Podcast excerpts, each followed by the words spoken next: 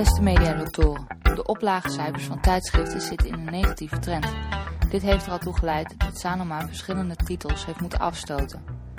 Nieuwe online alternatieven als Blendel en Elinea zien de huidige situatie als een kans en bieden tijdschriften online aan. Nu vraag ik mij af of dit wel gaat werken.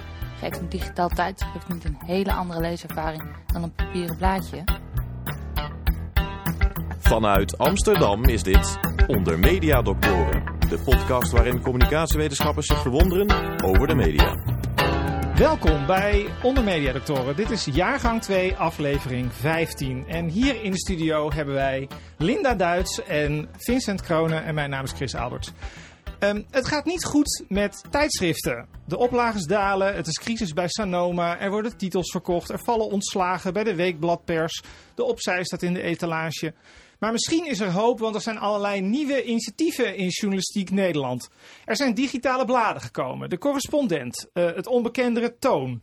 Je kunt een abonnement nemen op individuele journalisten bij TPO Magazine. Bij Blendel kun je bladeren door online tijdschriften. Je kunt betalen voor wat je maar leest. En bij Elinea kun je een all-you-can-read abonnement nemen. Dus digitale toegang tot heel veel tijdschriften. Waar je dan zoveel mogelijk in kan lezen als je zelf maar wil. Er gebeurt van alles. Er gebeurt eigenlijk van alles in journalistiek Nederland en daar gaan we het vandaag over hebben. Namelijk, wat is nou, is dat nou zo dat een gewoon papieren tijdschrift, een ouderwets tijdschrift, een andere leeservaring heeft dan um, al die digitale varianten. Nou, het gekke is dat je die vraag uh, heel weinig gesteld krijgt. Dus iedereen is heel erg bezig met journalistieke verdienmodellen en zijn heel erg aan het kijken naar hoeveel zijn mensen bereid om te betalen, waar ligt de grens en zo. Terwijl maar heel weinig mensen zich afvragen wat betekent het eigenlijk om op de bank te zitten en een tijdschrift te lezen? Nou, en we gaan dat vragen aan uh, onze gast die aan de telefoon is. Dat is Piet Bakker, lector massamedia en digitalisering aan de Hogeschool Utrecht. Hij is politicoloog en gepromoveerd communicatiewetenschapper en houdt zich bezig met de gevolgen van digitalisering voor de huidige journalistieke praktijk. Uh, welkom Piet. Hallo, goedemiddag. Um, Kun je ons iets vertellen over wat is eigenlijk de strategie achter al die uh, nieuwe, uh, ja, eigenlijk al die nieuwe digitale tijdschriften? Nou, heel veel uh, uitgevers zien de oplagen van de meeste titels, en niet allemaal. Hè. Er zijn titels die het ontzettend goed doen, maar de meeste titels dalen. En eigenlijk als je een vrij beperkte daling hebt en je zou het goed kunnen maken door bijvoorbeeld ja, een paar duizend digitale exemplaren te verkopen, bijvoorbeeld voor de iPad Um, dan heb je eigenlijk dat verlies volledig goed gemaakt. Dus een, een Piet, ehm, als je um, gaat kijken naar welke tijdschriften het nog steeds goed doen en welke tijdschriften in oplagen heel erg wegzakken, uh, is daar een soort overeenkomstige noemer bij te verzinnen? Nee, dat, dat, dat, dat is heel lastig. Er zijn een paar uh, tijdschriften, tijdschrift in de, uh, bijvoorbeeld uh, Linda, maar ook tijdens als Flow en tot twee jaar geleden ook Happiness uh, en L, die doen het vrij goed. Hè. Dan praten we over het uh, glossy segment. bij, de, bij de opiniebladen hebben eigenlijk toen de meeste tijdschriften het niet zo goed. Tot Elsevier tot een jaar of drie geleden deed het wel goed, maar die duikelt nu ook. De Groene doet het daarentegen weer wel goed. Het is, het is eigenlijk een heel moeilijk pijl op te trekken. Je zou wel kunnen zeggen dat heel veel tijdschriften een soort van levenscyclus hebben.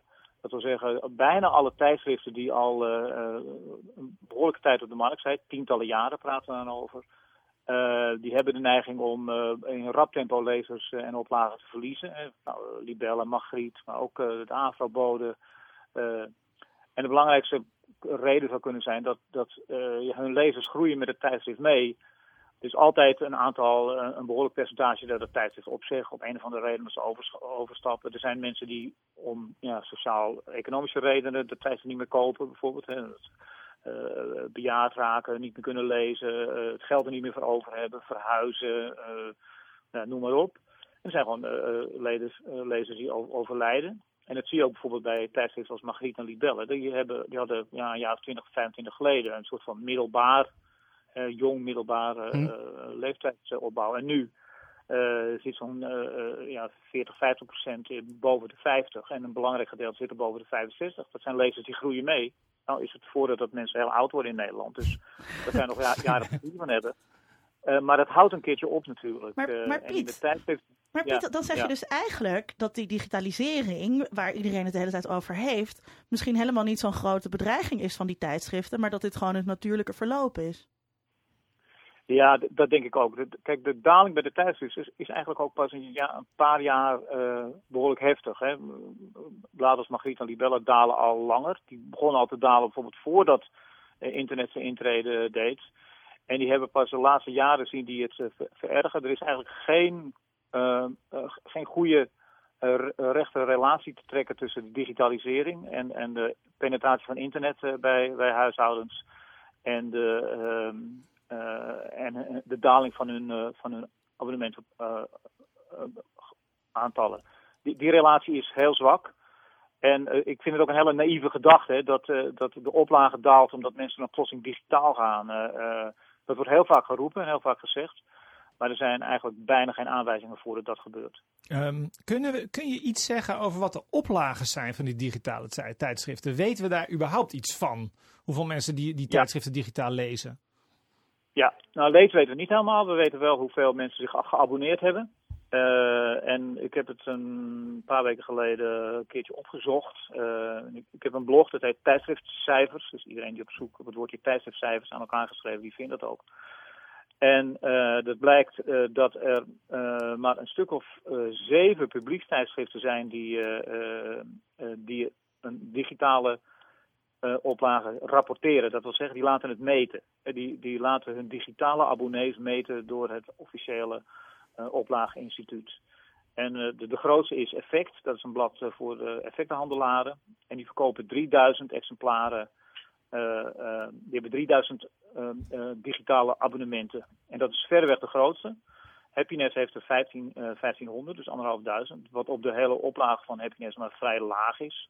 De Groene Amsterdammer heeft ze 15.000 en daarna is het bijna afgelopen. Vo- Voetbal International heeft er nog 340, eh, du- eh, 340 niet 1000, 340. Dus dat is echt, eh, ja, we praten over minder dan 1% van de oplage. Maar Piet, hoe kijk jij dan naar zo'n initiatief De Correspondent, waar 25.000 mensen lid van zijn geworden? Zijn dat mensen ook die dan afstappen van andere opiniebladen? Is dat een bedreiging voor de traditionele tijdschriften? Nee, nee ik, ik geloof helemaal niet of in, in overstap en in cannibalisatie. En dat, dat is echt een ongelooflijk naïeve gedachte. Eh, eh, als dat zo zou zijn, zou bijvoorbeeld. eh, eh, zou iedereen zijn krantenabonnement opgezegd hebben in 1925 eh, toen er radio kwam. daar waren dan, ja, daar lag wel, maar daar waren de uitgevers ongelooflijk bang voor. Ja. Ehm, als laatste vraag. Eigenlijk, we hebben het nu over de hoef, eigenlijk hebben we het nu heel erg over de hoeveelheid mensen die dit soort bladen eh, consumeren. Is er iets te zeggen over wie die mensen zijn of waarom ze dat lezen of waarom ze die keus maken? Is daar überhaupt onderzoek naar? En, en vooral ook hoe. Hoe lezen ze dat? Op dezelfde manier eh, eh, op het strand, Ja. in de bus, eh, eh, op de bank. Nee, nou, het, zijn op zo, het zijn zulke lage aantallen eh, dat er eigenlijk nog geen fatsoenlijk onderzoek op te doen is. Hè. Als we praten over bijvoorbeeld 340 eh, eh, eh, abonnementen op, op, op Football International. Maar je kan wel iets zeggen over de beleving. Hè. De, de, ehm, ehm, op het moment dat je een tijdschrift op een iPad hebt gedownload of je op de app hebt gedownload, dan zit hij tussen. Ik weet niet of jullie een iPad hebben en hoeveel apps je erop hebt staan. Maar ik heb er al gauw 100 of 120 apps op staan en voor van alles nog wat. Ehm, de urgentie om nou te zeggen: God, ik ga vandaag weer eens naar de Autoweek-app of naar de eh, Groene Amsterdammer-app. Die urgentie op het moment, hè, zo dadelijk ploft bij mij het parool door de brievenbus. Die urgentie is ongelooflijk hoog. Namelijk, hij ligt op mijn brievenbus, ik struikel daarover, ik moet hem lezen. Eh, ik kijk er even op als ik kopje thee denk, de- Dus de urgentie van het binnenkomen van zo'n ding, die brievenbus, eh, is niet hetzelfde dan dat je de app op je, eh, op je iPad hebt staan. En dat, dat, dat is eigenlijk de echte, eh, het, het echte probleem. Hoe, hoe, hoe, kom je, hoe kom je binnen bij iemand? Hoe, hè? Het is geen digitale brievenbus, als we wel eens denken. Het is gewoon een platform. En ook al heb je zeven weken achter elkaar de Groene Amsterdammer niet gelezen op je iPad. Je krijgt helemaal geen schuldgevoel. Er ligt geen stapeltje ongelezen papier. eh, eh, hij zit er gewoon. En dat is eigenlijk het probleem van de meeste eh tijdschrift-apps. Die- Het is een ontzettende lage urgentie. En zelfs met een alert, is, eh, die kan je zo weer wegklikken. En dan heb je helemaal geen schuldgevoel. Nou, als dat, dat maakt niet erg vro- de, de, de uitgevers van deze bladen worden niet erg vrolijk, eh, Piet, op deze manier. Ehm dankjewel. Ehm we hebben in ieder geval geleerd, denk ik, dat het publiek heel klein is en dat de urgentie ook heel klein is. We gaan er verder over praten. Eh dankjewel. Dag Piet. Dag. Oké, tot ziens. Dag. Dag. Ehm, dat was Piet Bakker, lector aan de Hogeschool Utrecht. Ehm, wat hebben we hier nou uh, van geleerd, Linda? Um, ik, ik vond het uh, erg interessant, omdat wat Piet vertelt over tijdschriften uh, is ook de les die, die ik zelf al eerder heb geleerd over kranten. Dat kranten en tijdschriften zelf heel erg naar het internet wijzen als hun grote vijand.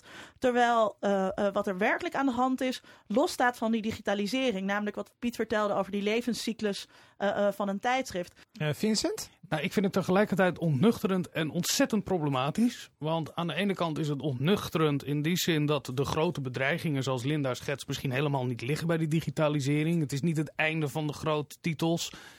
En aan de andere kant is het natuurlijk ook heel erg problematisch in de zin dat de mensen die roepen dat daar de redding vandaan moet komen voor de journalistiek in Nederland, dat het ook misschien niet te verwachten is dat het daar vandaan komt. En dat we veel meer moeten gaan nadenken over hoe zo'n tijdschrift zich verhoudt tot Angry Birds en al die andere leuke dingen die je kan doen op al die devices. Linda, je hebt ongetwijfeld onderzoek gevonden op dit terrein. Want er wordt niet zoveel onderzoek gedaan, zeg je. Maar er is ongetwijfeld wel iets over te vinden. Nou, het zit in een interessante hoek. De hoek die ons mediadoktoren keer op keer maar blijft verbazen. De customer media hoek. En uh, uh, ik vond daar een interessant onderzoek um, uh, van Edith Smith, hoogleraar aan de UvA. En zij heeft een experiment gedaan waarin ze mensen een, een customer media titel laten lezen. Dus dat kan de allerhande zijn of het blijkt van een Rabobank. Dat zijn voorbeelden van customer media. En ze hebben gekeken naar hoe de leeservaring verschilt online en offline. En um, nou, allereerst wat je ziet, en dat zei Piet ook al, heel veel online versies zijn gewoon een PDF van uh, wat ze offline hebben. En er wordt heel weinig gebruik gemaakt van interactieve mogelijkheden bijvoorbeeld. Maar wat blijkt nou bijvoorbeeld uit dat onderzoek? De offline leestijd van, van die titel was 23 minuten. Dat is best wel lang hè, voor, voor wat in feite een reclameblad is. Online was het nog maar 12,5 minuut. Dat is, dat is uh, uh, aanzienlijk dat je dat niet meer leest. En het bereik is veel lager. Dus uh, minder mensen lezen de online titel en mensen geven die online titel ook nauwelijks door. En offline gebeurt dat natuurlijk wel. Dus als jij een blad krijgt, dan geef je dat door aan je zus die ook de libellen wilt lezen of aan een vriendin. Je neemt die blaadjes mee naar het strand. Dat is echt uh, voor tijdschriften altijd heel erg belangrijk geweest. Uh, ik kwam er laatst uit onderzoek van Piet Bakker bleek dat de leesmap het nog heel erg goed doet. Dat sluit dus heel erg aan bij dat soort dingen doorgeven. En dat betekent dus waarschijnlijk ook dat daar een leeservaring achter zit, die gewoon niet te evenaren is, of op dit moment nog niet te evenaren is Vincent, uh, digitaal. wat kunnen we ja. zeggen over die leeservaring? Nou ja, het gaat niet alleen, zo'n leesmap is nog steeds populair. Er zijn ook nog andere tijdschriften die het redelijk goed doen. Dat zijn namelijk de tijdschriften waarvoor je trots bent dat ze op je salontafel liggen. De Villa Dachte, het golftijdschrift. En eigenlijk werkt dat een beetje hetzelfde als met mode. Weet je wel, je koopt niet de kleren waar jij van denkt dat het mooi is. Jij koopt de kleren waar jij van hoopt dat andere mensen jou associëren met een bepaalde levensstijl. En zo geldt het ook voor bepaalde tijdschriften. Dat jij hoopt dat als mensen bij jou binnenkomen, jou als een groot intellectueel zien, omdat jij de groene leest, of dat jij een beetje een geslaagde jongen bent, omdat jij de quote hebt liggen. Dat zijn, daarmee is het ook veel meer een, een, een performance dan dat het ook echt alleen maar te maken heeft met de tijdschriften die je ook daadwerkelijk leest. Ik ben jarenlang abonnee geweest van uh, een krant, omdat ik ook vond dat ik een krant moest hebben. En ik herken me heel erg in het verhaal van Piet, dat je toch wel erg uh, schuldig gaat voelen als die hele grote dikke zaterdagkrant daar op dinsdag nog geheel onaangeroerd ligt. Ja, het blijkt bijvoorbeeld uit onderzoek naar de Opzij dat uh, heel veel vrouwen in de jaren 80 en 90 lid waren van de Opzij, omdat ze dat onderdeel vonden van hun morele plicht. ze vonden dat ze op de hoogte moesten blijven van wat er speelde in het feminisme. en dat sluit heel erg aan bij wat jij zegt. Dat ligt ook op je koffietafel. ik kijk eens, ik lees de Opzij. Dan zou je dan niet ook kunnen zeggen, als het je morele plicht is als vrouw in de jaren tachtig om op de opzij geabonneerd te zijn, dan ben je dus als uh, journalist, als PR-persoon of iemand die iets met media heeft, heel erg verplicht om nu een abonnement op de correspondent te nemen? Ja, zeker. Ik denk dat correspondent gaat veel meer over het lid zijn van een club, een soort beweging, noem het een sociëteit, uh, iets waar jij onderdeel van uitmaakt. Want ja, Waar, wat, wat kochten die mensen? Die kochten een abonnement voor iets wat ze totaal niet wisten wat het is. Zonder een uitspraak te doen of de kwaliteit nu te wel is. Of dat nou goed of slecht is. Maar het is natuurlijk heel fijn om ergens bij te horen. Dat is een mooi moment om over te gaan naar onze reportage. En die wordt gemaakt door onze nieuwe medewerker, redacteur Volkert. Uh, Volkert, waar ben je naartoe geweest? Ik ben helemaal in het noorden van het land uh, bezeild geraakt. Uh, hallo trouwens, ik ben Volkert Koeren. En dus de nieuwe redacteur, zoals Chris al zei. Ehm, ja, de bibliotheek in Meppel ben ik geweest. Daar heb ik eh, Justine Bult, of Jantine Bult moet ik zeggen, eh, geïnterviewd over ja, hoe gaat het nou eigenlijk in de bibliotheek met die tijdschriften? Wat voor leeservaringen hebben de, de mensen die daar komen? En ehm, ja, hoe gaat het in de toekomst? Komen er straks allemaal computers te staan in plaats van hardcopy tijdschriften?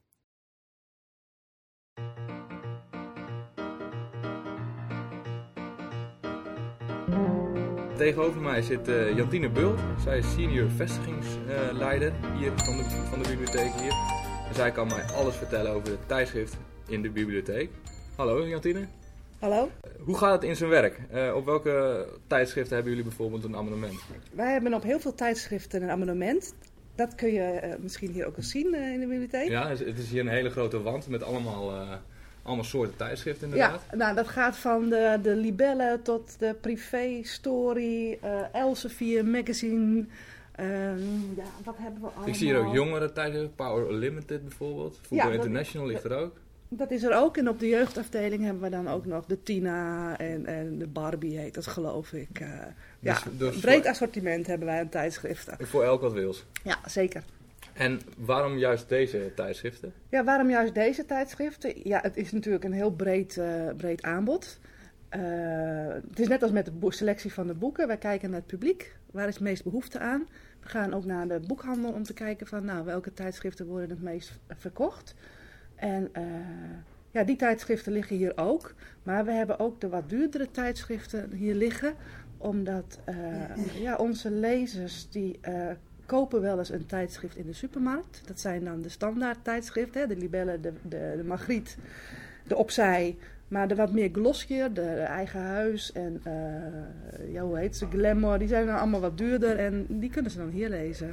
En, en hebben jullie daar een vrije keuze in? In ehm, het, de keuze van het, ab- van het abonnement, tijdschriftabonnement? Ja, hebben we vrije keuze in. Er zijn wel wat richtlijnen. Van, van, eh, ja, natuurlijk hebben we een budget ervoor. En ook richtlijnen van, nou, hoe groot is je bibliotheek? Wat is je bereik? Hoeveel be- hè, klanten heb je? Dus daar hangt het ook wel een beetje mee samen. Maar we hebben eigenlijk, in principe hebben we een, een, een vrije keuze daarin. En jullie zouden dus eh, bij wijze van spreken zelfs een abonnement mogen nemen op de Playboy. Dat zou best wel mogen, ja. Ja hoor, ja. geen bezwaar. Waarom gebeurt het dan? Goeie vraag. We hebben het nog nooit gehoord. eh, waarom? eh, hè, kijk, we hebben ons natuurlijk in het begin heel erg gericht op de vrouwenbladen. Daar was het meest belangstelling voor in de bibliotheken. Nou, dat gaat langzamerhand wel veranderen. De Elsevier is erbij gekomen, de HP de Tijd. Dus er wat meer mannenbladen. Maar eh, ja, wij hebben eigenlijk zelf een idee. Want we zijn, in de bibliotheek zijn allemaal vrouwen. Hè? Meestal zijn vrouwen. Toch? Nou ja, als ik hier zo Nee, rondkijk. nee, als personeel. Als personeel bedoel ik. Ja. Dus eigenlijk hebben we nog nooit gedacht over de Playboy. Raar, hè? Hilversum 3 bestond nog niet. Maar ieder had zijn eigen stem. Populairste tijdschriften, dat zijn blijvend de Libelle en de Magriet. Ja, die worden het echt het meest geleend. Ja, je vraagt eigenlijk naar, eh, eh, ja, de, naar de ontwikkeling van hè, het digitaliseren van het papier. Daar zitten we niet alleen mee bij de tijdschriften, maar ook bij de boeken. Daar zijn we volop mee bezig om eh, te kijken van hoe kunnen we e-books gaan uitlenen, e- nou ja, e-artikelen, noem jij eigenlijk al hè, met de tijdschriften. En het is allemaal nog in ontwikkeling. Het uitlenen van digitale content is moeilijker dan de fysieke content. Ja. Ja, daar daar zijn uitgeverijen nog niet helemaal over eens eh, wat de bibliotheek daarin mag gaan betekenen. Wij zijn er helemaal klaar voor. Ook eh, de software, eh, de programmatuur is er helemaal klaar voor. Maar de uitgeverijen moeten nog toestemming geven.